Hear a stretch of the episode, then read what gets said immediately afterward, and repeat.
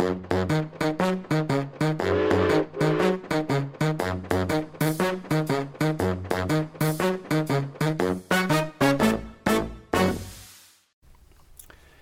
ønsker vi velkommen til en ny episode av eh, podkasten Ekspedert. I dag har vi tatt eh, en tur opp til eh, Narviksenteret for å få vite mer om nordnorske kvinner i motstandskamp i Nord-Norge mellom 1940 og 1945. Og til å hjelpe oss med det, så har vi vært så heldige å få prate med ho Ann Kristin Christensen.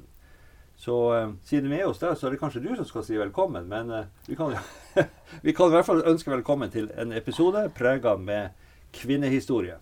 Ja. Og eh, eh, de her damene som verva seg på et eller annet vis, Mm. eh, de havna jo da gjerne i noen av de her eh, undergrunns- eller motstandsorganisasjonene som ble etablert. Noen kanskje med en gang, andre etter hvert i løpet av krigen. Kan du si litt grann om de her eh, fire mest viktige motstandsorganisasjonene? ja de, vi, de viktigste på en måte som vi ser nordnorske kvinner er involvert i, eh, er jo eh, Milorg, eh, eller Hjemmefronten. Det er jo da eh, militær eh, del av, eh, av motstanden. Og så har vi EXU, eh, som jo er den hemmelige etterretninga i Norge.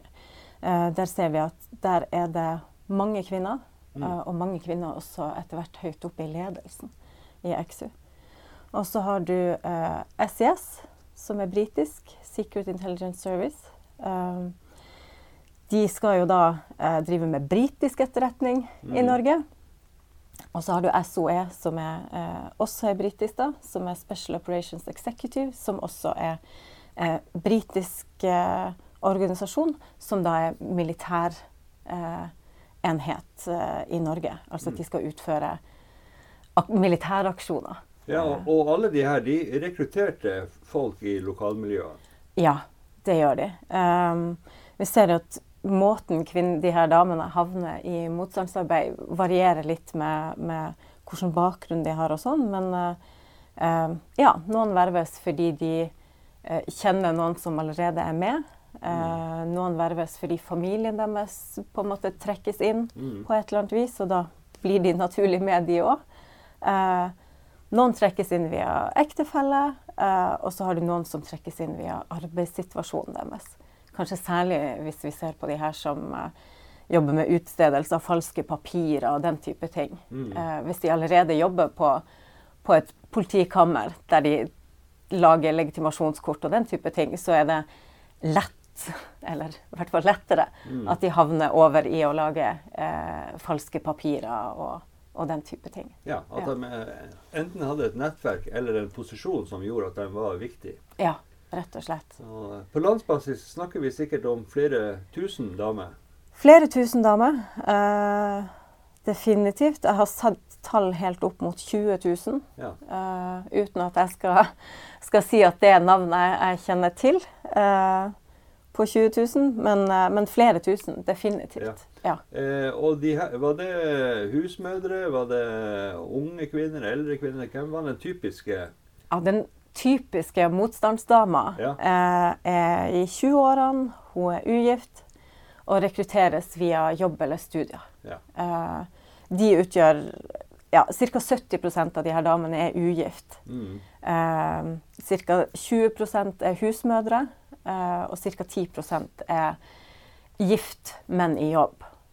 Og så ser du igjen, hvis du går litt dypere inn i statistikken, at ca. halvparten av de her eh, damene er i første halvdel av 20-årene Mm. når, de, når de rekrutteres inn og gjør dette arbeidet. Så når um, risikoen, altså kostnaden, blir for høy i forhold til at du har et, eh, et ansvar for eh, barn eller, Mm. el- eller foreldre, eller sånt, så, så er det ikke så lett å la seg rekruttere. Nei.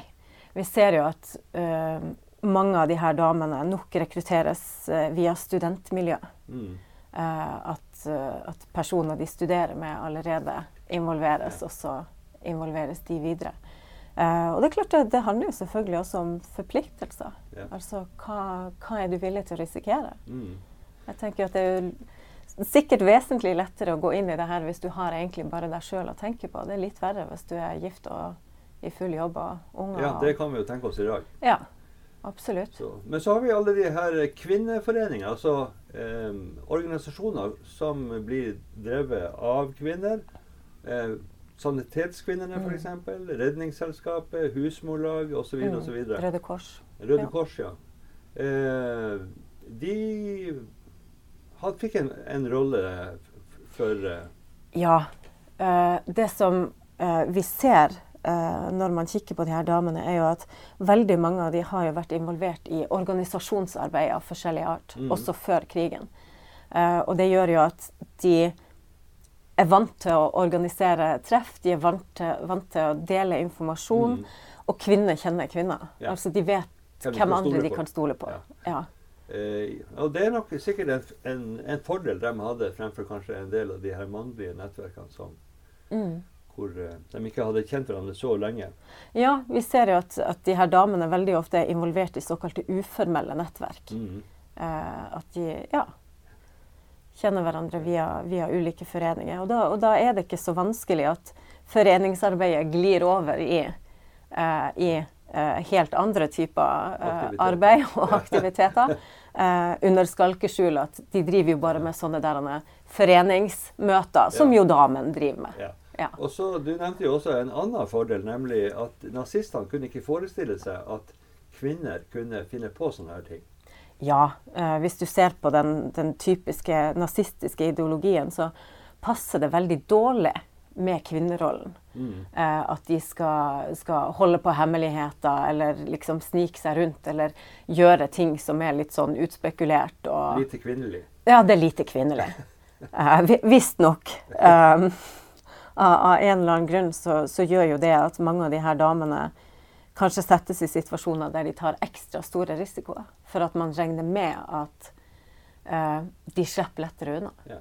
Og det ser vi faktisk også, at, at flere av de her ja, Nå er det jo de nordnorske motstandsdamene jeg kjenner best til, men vi ser jo at de har jo som strategi at hvis de arresteres eller havner under mistanke og sånn, så, så spiller de på en sånn her ungdom, uvitende kvinnefilosofi.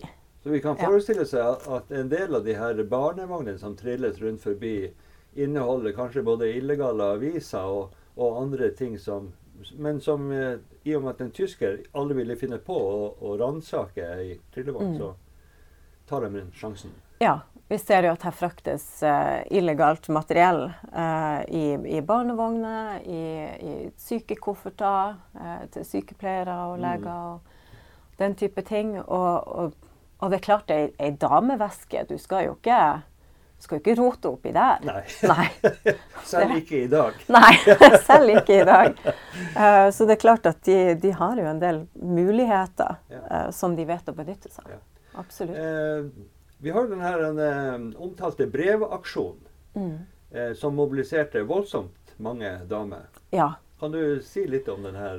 Hva, hva var det Ja. det dreide seg om? Eh, brevaksjonen er jo tilknytta eh, den situasjonen som oppstår når eh, okkupasjonsmyndighetene vil at skolen skal nazifiseres. Ja. Sant? Eh, de ønsker at, at eh, norske barn og ungdom skal opplæres i eh, nazistisk ideologi.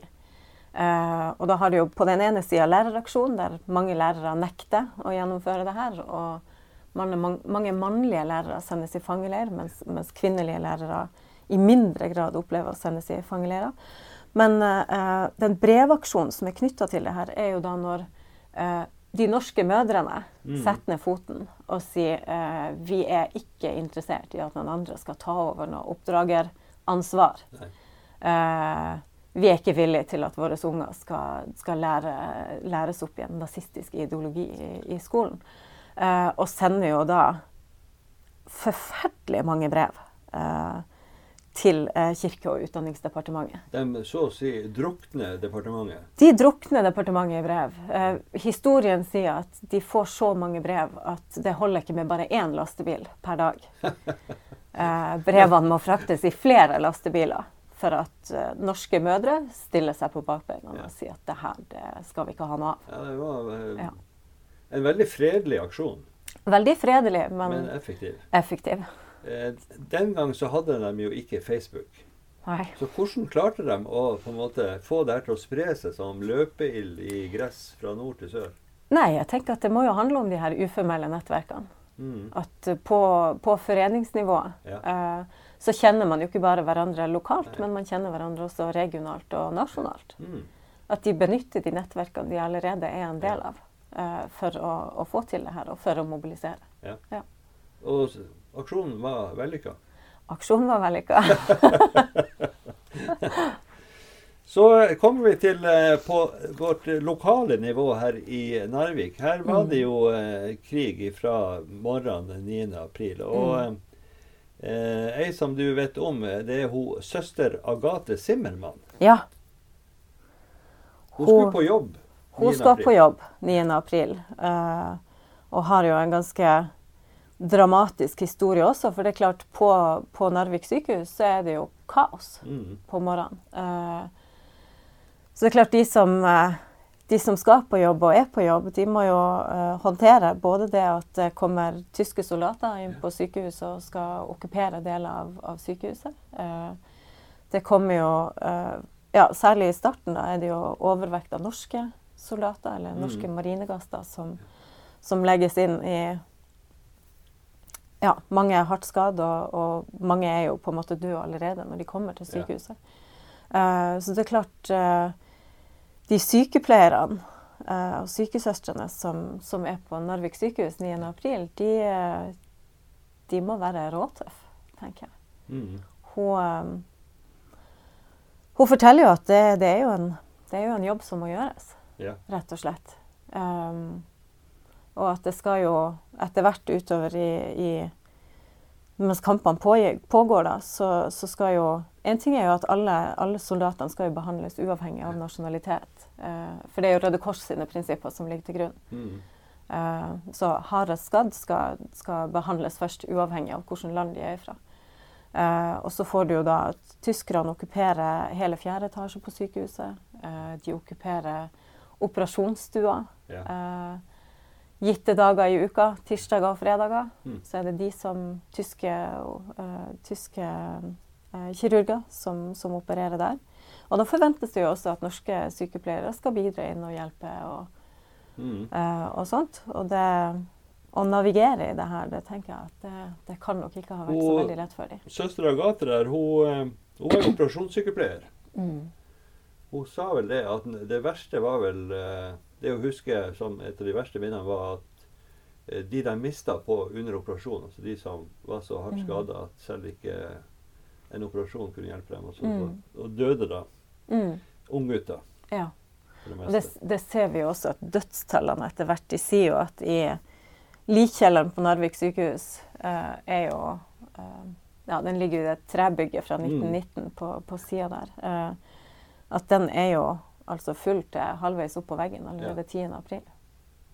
Og så var det en som våkna der inne. Der er en stakkars trønder som våkner der inne. og som, som vel utbryter litt sånn, litt sånn tørt at han, han syns det var i tidligste laget å å konkludere med at han var Våkne inne på Ja. Ja, for et mareritt. ja virkelig. Virkelig. Og så eh, har vi jo han eh, legendariske Erling Borch Johnsen, som eh, Ja. som eh, selvfølgelig hadde et eh, nettverk. Og eh, oppe på Mm. sykehuset så kjente de hverandre, slik at han eh, Ja, de visste hvem de kunne stole på. Mm. Og så var det i 42 at han får eh, oppover ei eh, sykesøster som hadde vært med han i Finland. Ja, Sten, tror jeg hun heter. ja. Da er det jo Sigrid Steen du tenker Ja. på. Hun, eh, hun hentes nordover i september 41. Mm. Ja. Og hun har jo da vært eh, utsendt i vinterkrigen, som du sier, sammen med han Erling Borch Ja. Johnsen. eh, I samme kontingent. Så klart, de kjenner nok hverandre fra før av. Og vet at det er hel ved. Ja, rett og slett. De, der er nok Jeg tenker i hvert fall at det må nok være en allerede etablert tillit. Mm. Uh, for å, for hun, hun hentes nordover og settes inn som operasjonssykepleierske i, eh, på Narvik sykehus.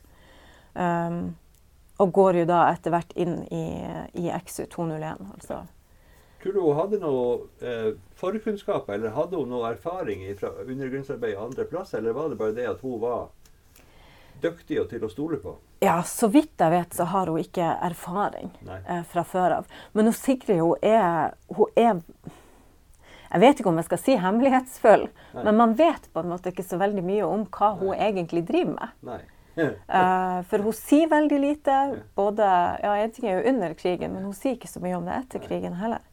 Uh, så mye av det vi vet om hun Sigrid og det hun gjorde under, under uh, krigen som motstandsdame, er fordi hun er omtalt i andre sine rapporter. Mm. Eh, ikke nødvendigvis for at hun sjøl snakker så mye om det. Um, men uh, ja, så, så jeg tror jo at det må jo handle om at det er en allerede etablert tillit. Og, og som du sier, da, at han, Erling Borch Johnsen vet at her er det hel ved. Mm. Hun her kan vi, hun får jobben gjort, hun kan vi stole på. Ja. Ja. Det er jo veldig viktig. Ja, det er klart også, Hun settes jo som operasjonssykepleier skal også, så Jobbe sammen med tyskerne. hun skal jobbe sammen med tyskerne. Uh, og det å kunne ha noen i det rommet som du stoler på, Ja. og som kan plukke opp ting og bringe beskjeder videre og, og den type ting, det, det må jo ha vært kjempeviktig. Ja. Så hun er øyne og ører for, for de andre litt Ja, lenger opp i, sitt, i organisasjonen. absolutt. Det er jo Da um, beveger vi oss eh, fysisk fra Sykehushaugen og så over til Oscarsborg, til Telegrafen. Ja. Der var det også full fyr på morgenen den 9. april. Full fyr, rett og slett. Det er klart, de, de damene som er der, de En ting er jo at alle skal jo ringe hverandre morgenen 9. april. Ja. Altså venner og familie forsøker jo å få kontakt med hverandre. Eh, selvfølgelig. Um, men da er det jo da et, et par av de her damene som, eh, som klarer å holde telegraflinjen åpen, også etter at rikslinjen eh, stenges. Eh, så, så de klarer jo bl.a. å få, få satt eh, Fleischer og Lindbekk Larsen eh, i kontakt med major Omdal. Ja. Sånn at de får gitt hverandre kjempeviktige beskjeder Mm. eh, og rapporter i, i morgentimene 9. april. Og det her gjør de jo da også mens det er væpna tyske soldater på telegrafstasjonen. Mm. Um, men det, det er vel den her det er vel den vanlige. De er ikke så opptatt av hva de her damene holder på med. Nei. Nei. Og så snakker Det- de jo da et, et, eh, annet språk. Selvfølgelig. Selvfølgelig. Så, så uh, hun uh, Alfie der, blant annet, hun sier jo at uh, de snakker jo litt i kode, og det er klart de snakker jo, de snakker jo norsk, Ja. naturlig nok.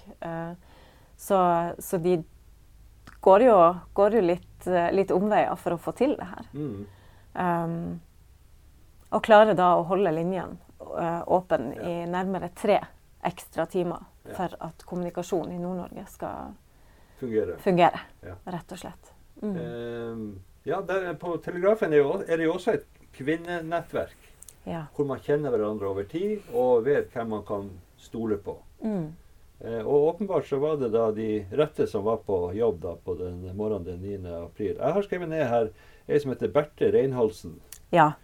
Eh, hun ligger det et intervju med ute på, på nettet en plass. Ja. eh, Nå husker jeg jo ikke om det, for jeg har, jeg har ett intervju jeg bruker som er fra Nasjonalbiblioteket. Ja, og så har jeg et annet som er fra tele, telehistorie. Ja. ja, og så har jeg et annet som jeg bruker som ligger på Digitalt museum. Akkurat, ja. Ja. Ja.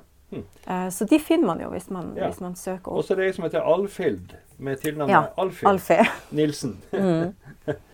Eh, og begge de her to de var på jobb da på morgenen 9. april. Ja. Ja. Det er de. Eh, så det er klart, de, de kommer jo inn i det her kaoset. Ja. Det var hun Bertha som sa hun kunne høre skrikene fra havna fra norske marinegasser som lå og svømte for livet. ja. Så var det ei som heter Helena Gundersen Farstad. Mm. Eh, og hun var også på jobb der ja. på morgenen. Så Ja. det var i hvert fall tre damer vi kjenner som var der og gjorde så å si, den, den første motstandskampen. Rett og slett. Og det er jo hun, eh, hun Alfie der og hun um, Helene som liksom holder hold fortet, da. Ja. Eh, og som sørger for å få, få satt uh, ja, Fleischer, Lindbekk Larsen og, og Omdal uh, i kontakt med hverandre, sånn at de kan, de kan planlegge. Og selvfølgelig da også spille litt på den her eh, ungdom, Mm. kvinne ja. De går, ja, de går under radaren. De går under radaren, Ja. rett og slett. Og utnytter det. Ja, virkelig. Ja. Eh, så der er det jo faktisk eh, Det er Lindbekk Larsen som avslutter eh, kommunikasjonen Ja. eh, like før klokka ni morgenen Ja, ja. 9. april. Ja. Eh, og det er klart, de, de her damene får jo ofte da spørsmål om ja, altså, hvorfor, hvordan torde dere? Mm. Hvorfor Altså, det er jo mange, sivile som rømmer. Hvorfor er dere ikke Hvorfor er dere ikke bare med der? Dere Ja. kunne jo Men de kjenner jo på en pliktfølelse. Ja. Ja.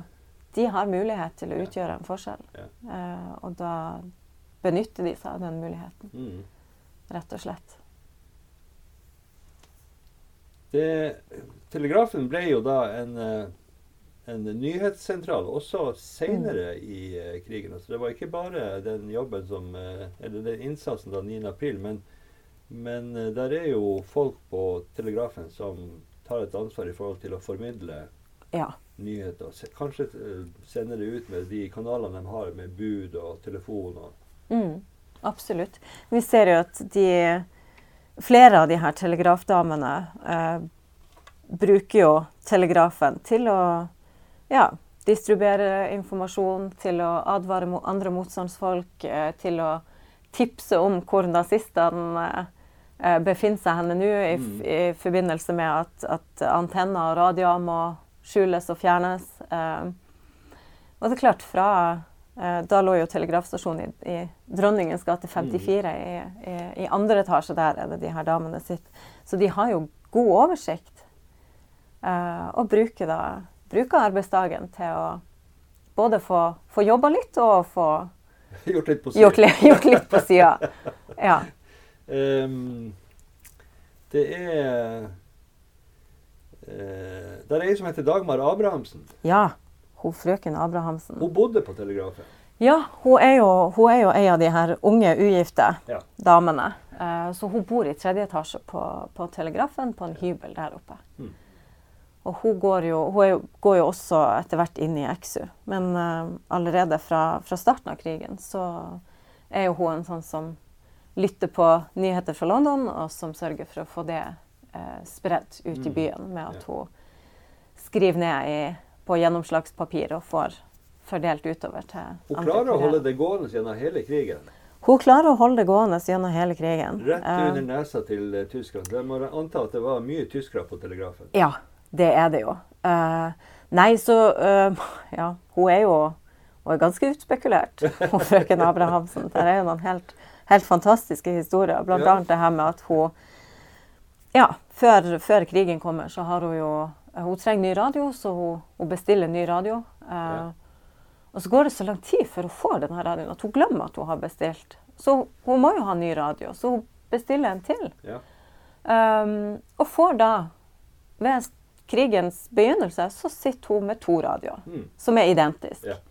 Uh, så det er klart, når, når forbudet mot radioer kommer i, i høsten 41, så leverer hun jo Den ene. den ene. og beholder den andre. Ja. Så, så i starten der så er det jo på en måte det er ikke noe grunn til at noen skulle mistenke at hun holder på med noe. Hun har jo levert inn radioen sånn, Ja, Som, hun, sånn som hun skulle. ja. Um, men hun fortsetter jo da å Lytte på London. lytte på London og skrive ned og Det er klart, hun, hun plages jo tidvis av at det er mye tyske soldater på, på telegrafen. Og det er klart det er jo regelverk i forhold til blending og sånn, Mm. så det hender jo at det havner eh, banker tyske soldater på og skal inn og påpeke at telegrafstasjonen er ikke blenda sånn som den skal. Um, så det er jo tilfeller der hun nesten blir tatt. At hun, at hun sitter gjemt under ei tjukk dyne for å høre på radio mens hun sitter og sliprer på, på det hun hører på, på maskinen. Og så, og så dundrer det på døra Ja. med ujevne mellomrom. Og da må hun jo åpne. Ja, ja, ja. Eh, men vi ser jo at hun sier jo sjøl da også at eh, i noen av de tilfellene der hun på en måte må pakke vekk radioen og, og de her gjennomslagspapirene og skrivemaskinen og, og alt sammen, så sier hun jo at når da tyske soldater kjefter på for at, eh, for at hun er så sein med å åpne døra, så sier hun at ja, nei, hun, hun var så sliten etter lang arbeidsdag, så hun liksom måtte ta seg en blund, så hun var ikke anstendig kledd. Så da tar det jo en stund før, før hun liksom er anstendig nok til at hun kan åpne. Og da lar de det passere. Ja. Ja. Men så er det en farlig situasjon i det et sånn her ark fra stensilbunken. Ja. Der havner et, et sammenbretta gjennomslagspapir Ja. eh, hos Ja, først hos, eh, først hos eh, politiet, og så havner jo den videre over til Gestapo. Og det er klart, da Da får jo Gestapo ferten i at her foregår det jo noe illegalt. ja, her er det noen som sitter og skriver. Her er det noen som skriver. Um, og de krever jo da at Altså, de peiler seg jo da inn på at denne skrivemaskinen, den finnes på telegrafen. mm. Og um, kommer dit et og peker jo ut frøken Abrahamsen Ja. sin skrivemaskin som den store synderen Ja. oppi det her. Ja. Eh, men uh, frøken Abrahamsen hun vet at han som har mista det her papiret, han vet ikke at det er hun som står bak. Eh, og hun vet at han har følgelig heller ikke kunnet ha sagt noe om at det er hun. Uh, og så vet hun også at uh, det gjennomslagspapiret han har mista, er et bra stykke ned i bunken. Så der er ikke, altså de karakteristiske kjennetegnene fra hennes skrivemaskin er ikke mulig å påvise. Eh, for det er arknummer ja, 1011 Ja. nede i bunken. Um, så hun forholder seg rolig. eh, for det viser seg jo at de papirene hun bruker, er jo ikke fra telegrafen. Nei. Så det kan de på en måte ikke ta på. Og de kan heller ikke få fram de her kjennetegnene. På de enkelte enkelte På, bokstavene. ja, på de enkelte bokstavene som, som de er ute etter. Fordi gjennomslagspapiret de har funnet, gir ikke, gir ikke de her Nei. kjennetegnene som Nei. hennes maskin har. Så de må jo bare gi seg på det. Men de fortsetter jo å lete etter, eh, etter radioer, og peiler seg jo etter hvert inn på at her er det jo det er en ulovlig, ulovlig radio på telegrafstasjonen. Eh, og er jo da på tur opp trappa og inn til hun, frøken Abrahamsen Ja. på hybelen der. Eh, for de har peilet seg inn på at de mener at det er der den er. Ja. Eh, og da må jo frøken Abrahamsen bare hive seg rundt. Få, få radioen ned i det som ser ut som en grønn koffert. Ja. Eh, hun setter gjennomslagspapirene i brann, sånn at de ikke skal kunne ta henne på det. Og så er jo flaksen at akkurat når det her foregår, så er det et bud som er på tur opp den samme trappa, Ja. som passerer de her tyske soldatene ja. på tur opp. Ja. Så frøken Abrahamsen hun møter da bare det her budet litt sånn midtveis i trappa. Han, gir han kofferten, og han bråsnur og går ned, ned trappa igjen. Mens de her politi... Nei, unnskyld. Tyske, ty, mens tyskerne er på tur opp trappa. Så det er klart, de finner jo ikke noe radio Nei. hos frøken Abrahamsen. Og det her budet, han eh, tar kofferten stille og rolig med seg ned eh, trappa. Møter et par tyske Gestapo-folk eh, på tur over gårdsplassen. Hilser pent. Og tar med seg den her grønne kofferten, som jo egentlig er en radio. Ja. Grav ned i kolbingen og venter der til faren er over. Og så går hun frøken Abrahamsen ned og plukker med seg radioen igjen og fortsette. Eneste forskjellen er at nå sitter hun den noen måneder hos ei venninne. Ja. Men uh, nyhetene fra London de fortsetter å, å komme til Narvik og bli distribuert i, i hennes nettverk. Hun er jo da også en av de som er kobla i XU, er jo hun, hun Sigrid Steen på sykehuset Mm. og frøken Abrahamsen, under dekke av at de er venninner. Så de, de opptrer i rapportene, begge. Ja. De, de vet av hverandre og på en måte spiller litt, litt på hverandre i det her motstandsarbeidet. Man skulle nesten tro han var beskytta av høyere makter, fordi at eh, det går nesten ikke an å ha sånn flaks. Som Nei. Og det å holde på med et, et sånt dobbeltspill i fem år, Ja. det det må sikkert ha vært litt av ei påkjenning, egentlig. Ja, det, det tenker jeg. Og, og det er klart utfordringa særlig innenfor XU er jo at de har ikke lov til å si hva de har holdt på med. Nei. Så hun, frøken Abrahamsen eksempel, i en av rapportene hun skriver etter krigen, så sier hun jo at hun etter krigen så hun forsøker jo på en måte å antyde litt hva hun har gjort, men Mm. da uh, opplever hun at hun blir mistenkeliggjort. Hva skal du ha ut av at du, du, du hevder at du var en del av Ja. noe motstand? Hva, hva tror du at du skal Hun ble tatt av bygdedyret. Ja, rett og slett. Så hun, hun sier jo etter hvert at ja, hun angrer ikke på det hun har gjort, for at ja, noe spennende skulle man jo gjøre. Eh, men hun sier jo også etter hvert at hun, hun snakker ikke så mye om det hun har gjort, for at hun Nei. opplever ikke at hun får noe gehør eller noe Nei, tvert imot. Hun blir Ja. bare Hun blir bare mistenkeliggjort. Så, Så da lærer man seg vel å rett og slett holde kjeften. ja, rett og slett. Da kan det være det samme. Når, det, når du ikke får noe positiv respons eller noen som vil høre på, så Fikk de noe annen belønning fra myndighetene enn en diplom? F.eks. Sigrid Steen og hun Dagmar Abrahamsen.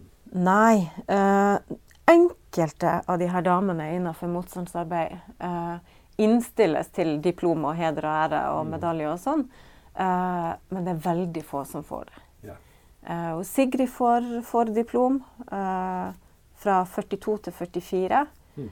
Um, man spekulerer jo da i at hun kanskje muligens må trekke seg som eh, exu-agent eh, når Gestapo begynner å rulle opp en del av motstandsarbeidet her i Mm. Narvik-regionen Ja. um, i 44. Um, men, men sånn jevnt over så, så skal det jo Det skal ikke være noe snakk om hva de her damene har, har gjort. Nei. Nei. Nei, det, det var utenkelig da, og det var utenkelig senere. Ja, rett og slett. Og, så kan man jo altså ja, som, som du allerede vet, jeg spekulerer jo en del i årsakene til Ja. hvorfor det her Det gjør du helt rett i. Ja. og, og den utfordringa kan vi faktisk la gå videre til alle våre eh, lyttere. Eh, så har vi ei dame som heter Aslaug Våge Ellefsen. ja. Hun er jo eh, i utgangspunktet tilknytta telegrafstasjonen Venus 2 i, i Molselv-området. Eh, og er da Norges eneste kvinnelige eh, SIS-telegrafist. Mm. Så hun går jo inn i britisk etterretning. Ja. Mm. For å overvåke skipstrafikk og Skipstrafikk, særlig opptatt av Tirpitz. Når Ja. Tirpitz kommer nordover, så er jo den primære oppgaven til Tirpitz å holde allierte styrker og, og sånt opptatt av hva Tirpitz gjør, og hvor Tirpitz er. Så der er hun, der er hun Aslaug eh, involvert. Og gubben også. Gubben også, de er telegrafister begge to, og jobber sammen på denne Venus 2-stasjonen.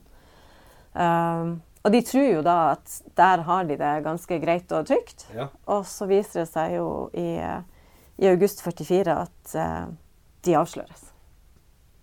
Det De- kommer en uh, tysk sånn her radiopeilerbil inn på tunet. Ja, plutselig kommer det en tysk radiopeilerbil inn på tunet, og de har Aslaug og han Olaf har, har slitt med å stille inn uh, riktig frekvens, for hun Aslaug venter en viktig beskjed, så de har liksom vært opptatt med det, da, og plutselig så, så står den der, Ja. og de er avslørt. Uh, og det er klart, han, han Olaf arresteres jo, uh, men bedyrer jo da at hun Aslaug, hun, hun vet om senderen. Men hun har liksom bedt på sine knær om at den her, han må kvitte seg med den. Og, men han har nekta. Så han har på en måte vært, vært det vanskelige Ja. i denne situasjonen. Ja. Um, så det tyskerne ikke vet der, er jo at hun Aslaug er jo telegrafist, hun også. Mm. Hun, um, de har jo jobba på, en på, på like, like virkår, Ja, ja. side om side. Uh, så de arresterer han Olaf, de arresterer hun Aslaug, og Aslaug er høygravid Oi. på dette tidspunktet. Um, og Olaf klarer etter hvert å, å rømme. Um, Aslaug eh, sendes videre til ja, først til Tromsø og, og så sørover. Eh, og bedyrer jo hele veien at eh, ja, hun vet, hun vet hvordan en sender fungerer, men hun har på en måte ikke Hun har ingen kjennskap til motstandsarbeid eller hva gubben har holdt på med. eller Det her vet hun liksom ingenting om. Um, og hun får jo da ja, sendes til, til Ullevål sykehus for å, for å uh, få barn. Føde da en sønn. Uh, og får jo etter hvert beskjed om at uh, nå må han, sønnen avvennes for at hun skal sendes til Grini. Mm. Og at bestemora da er på tur sørover for å ta med seg barnebarnet, Ja. eller gutten, nordover. da. Og det tyskerne da ikke vet, er jo at bestemora har jo allerede vært en sving sørpå. På, på, på eh, klinikken der, på kvinneklinikken. Uh, og da har hun bare, hun har bare smøgget på seg en sånn jordmorfrakk. Forkledd som jordmor. Forkledd som jordmor har bestemora allerede besøkt Aslaug. Og Og da har de sikkert gjort avtale i forhold til hvordan de skal Ja, ja, ja. det hele. absolutt. Så hun, eh, hun Aslaug tas jo da inn til nye avhør og gir nok en gang uttrykk for at hun aner ingenting. Hun serverer det idealbildet som Ja. tyskerne gjerne vil tro på. Virkelig. Ja. Virkelig. Og, og nybakt mor. Jeg mener Ja. Hva er er hva, sjansen? ja, hva er altså, hvorfor skulle hun vite noe på en måte om, eh, om det her? Det er klart det, hun har ingenting å, å bidra med.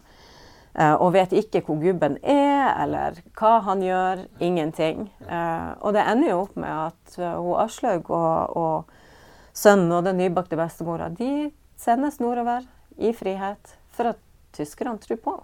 Hvor flott. Ja. Snakk om flaks. Men hun spiller jo på akkurat de samme mekanismene da med, Ja. med den her naive, uvitende kvinnen. Den som de helst vil tro på, den de helst vil tro på. og som stemmer overens med deres kvinnesyn. Absolutt. Så her, eh, her spiller hun med. Hun vet nok hva hun holder på med. Ja. Mm.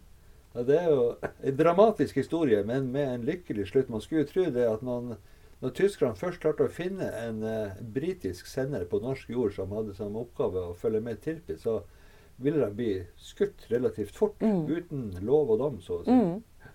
Men nei, Men, nei, det går veldig bra. det går veldig bra. Og han Olaf rømmer jo til Sverige, så, og Aslaug får jo nyss i det. Så hun vet jo at mannen er i sikkerhet. Mm. Ja. Og da kan hun bare spille alle kortene.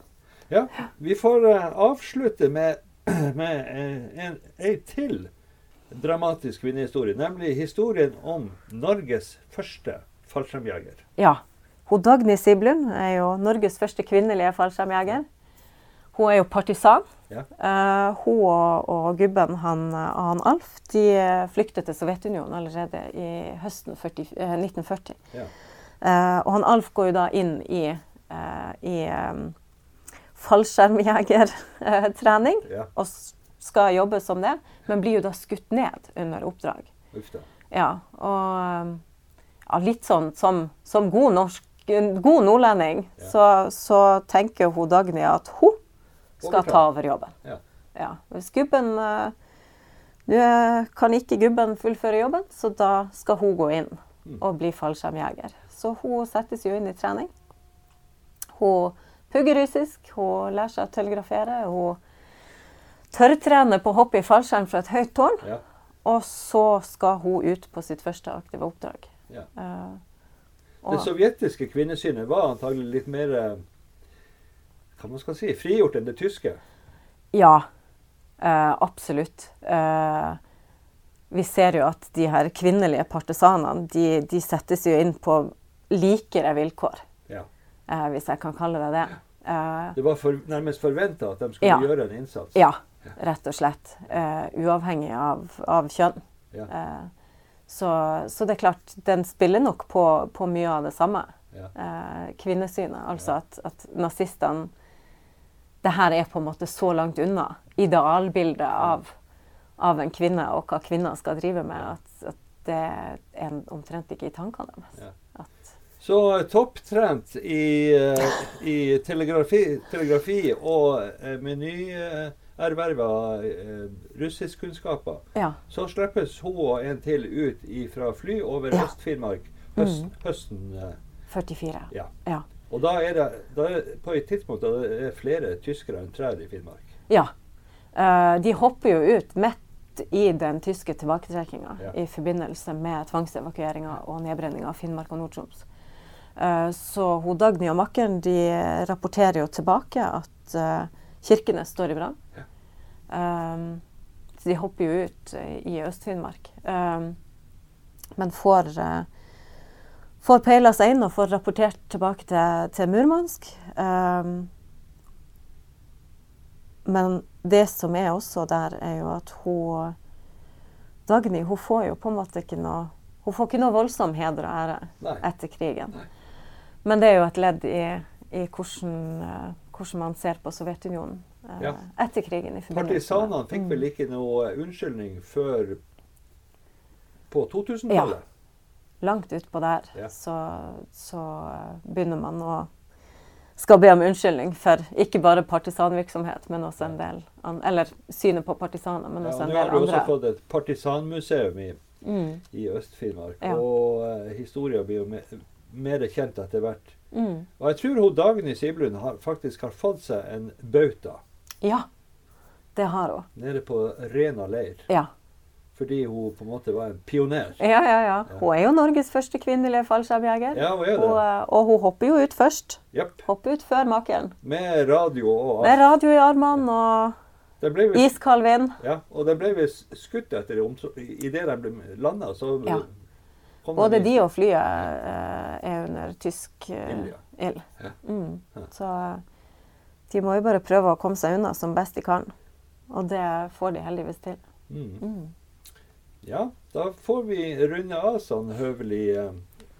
Til slutt så kan vi komme med litt sånn tekstreklame. Dere holder på med et prosjekt som heter Åpent magasin. Ja. Vil du si et par ord om det? Eh, Åpent magasin er jo et prosjekt der vi, vi samarbeider med et eh, museum i Slovakia.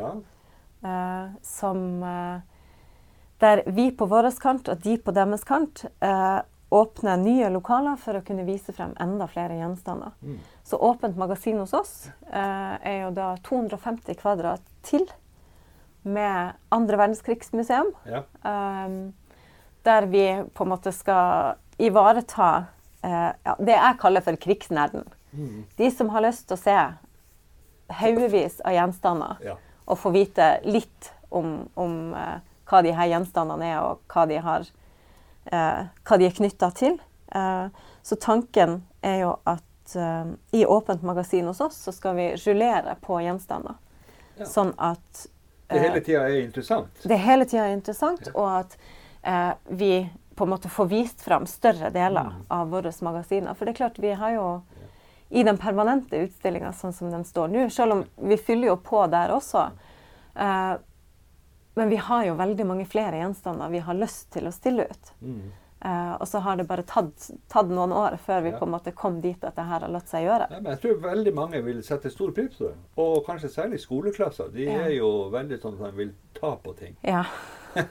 for å huske det. Ja, ja, ja, absolutt. Uh, og det ser vi jo, vi bruker jo mye gjenstander i undervisning. Ja. Uh, altså når vi, når vi underviser om tvangsevakueringer, så sender vi rundt uh, tysk soldathjelm og vandrestav og sovjetisk uniformslue. Og, sånn at elevene får ta på og se og lukte. De er veldig opptatt av lukt, jeg vet ikke helt hvorfor, men det, men det syns de er fint.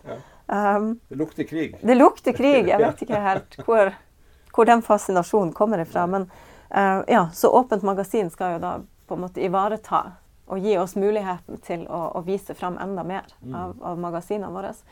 Og det handler jo selvfølgelig også om at uh, vi har jo store samlinger. Altså samlingen vår Vi åpner jo første krigsmuseet allerede i, i 64. Ja. Så det er klart vi har jo store samlinger, og vi mottar jo enda gjenstander Ja. og bilder og dokumenter og, som vi har lyst til å vise fram. ja, ja, det er klart. Selvfølgelig. Ja, ja. Men det å lage, lage utstilling, det er ganske krevende. Det, kre det er mye Ja, jobb. det, det, det vet vi. Ja, så, så Åpent magasin skal jo da være på en måte en, en del av museet der vi lettere skal kunne bytte ut Mm. uh, gjenstander Ja. um, enn det vi har mulighet til å gjøre i de permanente utstillingene.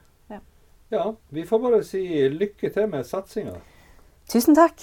Blir spennende. Ja, alle, til alle oss som er innafor uh, historieformidlingsbransjen, så er jo ethvert nytt tiltak av det gode.